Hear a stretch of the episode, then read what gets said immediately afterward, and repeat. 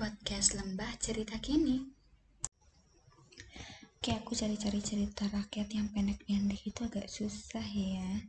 Oke deh, kali ini aku nemu judulnya adalah Kancil. Wow.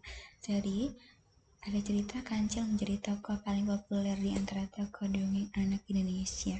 Dongeng Kancil ada banyak, Bunda, mulai dari kancil dan buaya, kancil dan harimau, hingga kancil dan.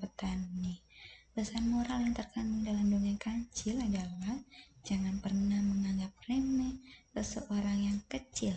Jika ia memiliki kecerdasan, bukan berarti ia tidak mampu melakukan sesuatu. Begitu, seperti itulah cerita dari si kancil.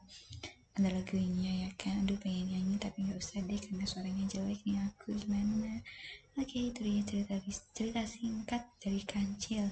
Sampai jumpa lagi di next episode. See you, bye.